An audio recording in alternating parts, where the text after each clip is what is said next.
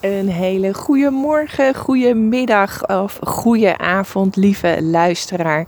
Wat super tof dat je erbij bent. Welk tijdstip je deze podcast ook luistert. Welkom bij Impact Teachers, de podcast. De podcast voor ambitieuze leerkrachten die een missie hebben, die impact willen maken en die zichzelf daarbij nog wel eens voorbij lopen. En eh, eerder nam ik een, eh, een, uh, aflevering op over uh, het feit of een coach een is of een nice-to-have. Uh, en in deze aflevering gaan we daar nog een klein stukje op uh, verder. Maar voornamelijk gaat deze aflevering over. excuus, over hoe je nou naar je hart kunt luisteren. En uh, even terug naar, die, uh, uh, naar dat vraagstuk of een coach een nice to have is of een must have is.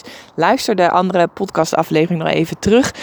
want daar vertel ik redelijk stellig dat mijn overtuiging is dat wij als coaches een absolute must have zijn ik ben namelijk absoluut geen nice to have.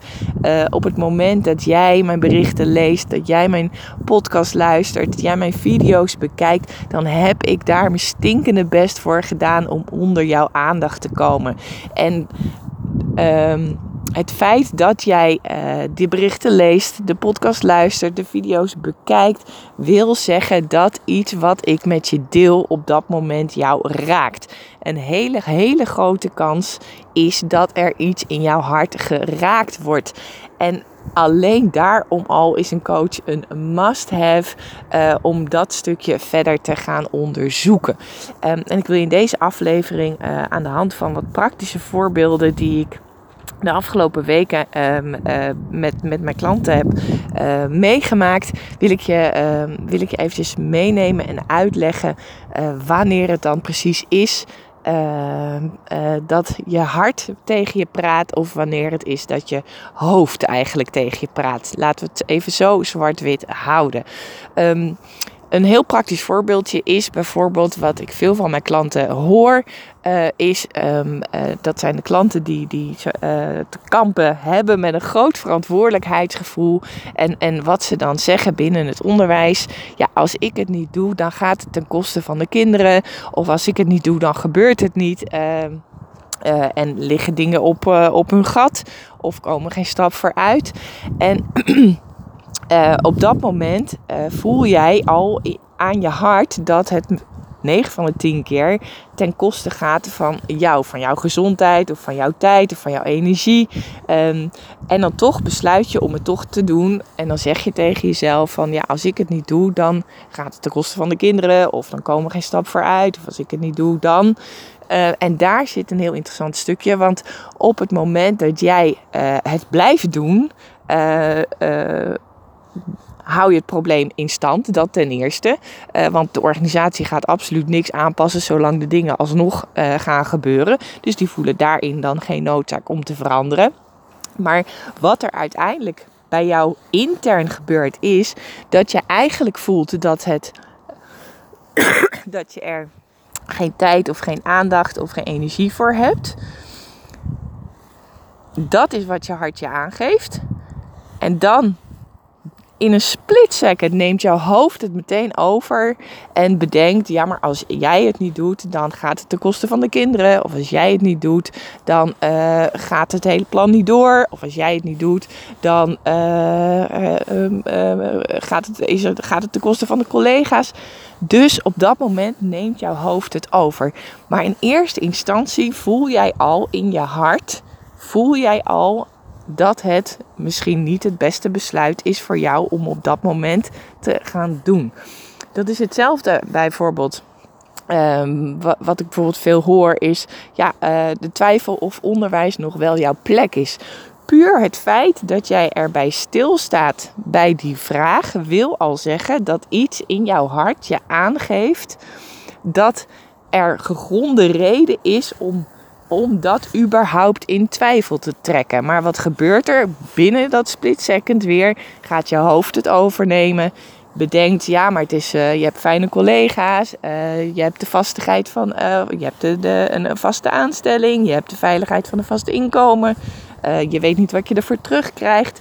dat gebeurt in een split second. Neemt jouw hoofd het over. Terwijl jou, jij dus in je hart al voelt dat uh, de vraag of het onderwijs nog wel bij je past. Dat kan hetzelfde zijn, bijvoorbeeld met relaties, met je partner of met, met, met, binnen de familie. Als er in jouw hart iets aangeeft.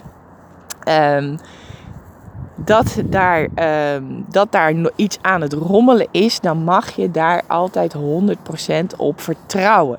Maar wat doet je hoofd? Binnen dat split second gaat jouw hoofd zich daarmee bemoeien en ontkracht eigenlijk wat jij voelt binnen van, uh, van binnen in jouw hart.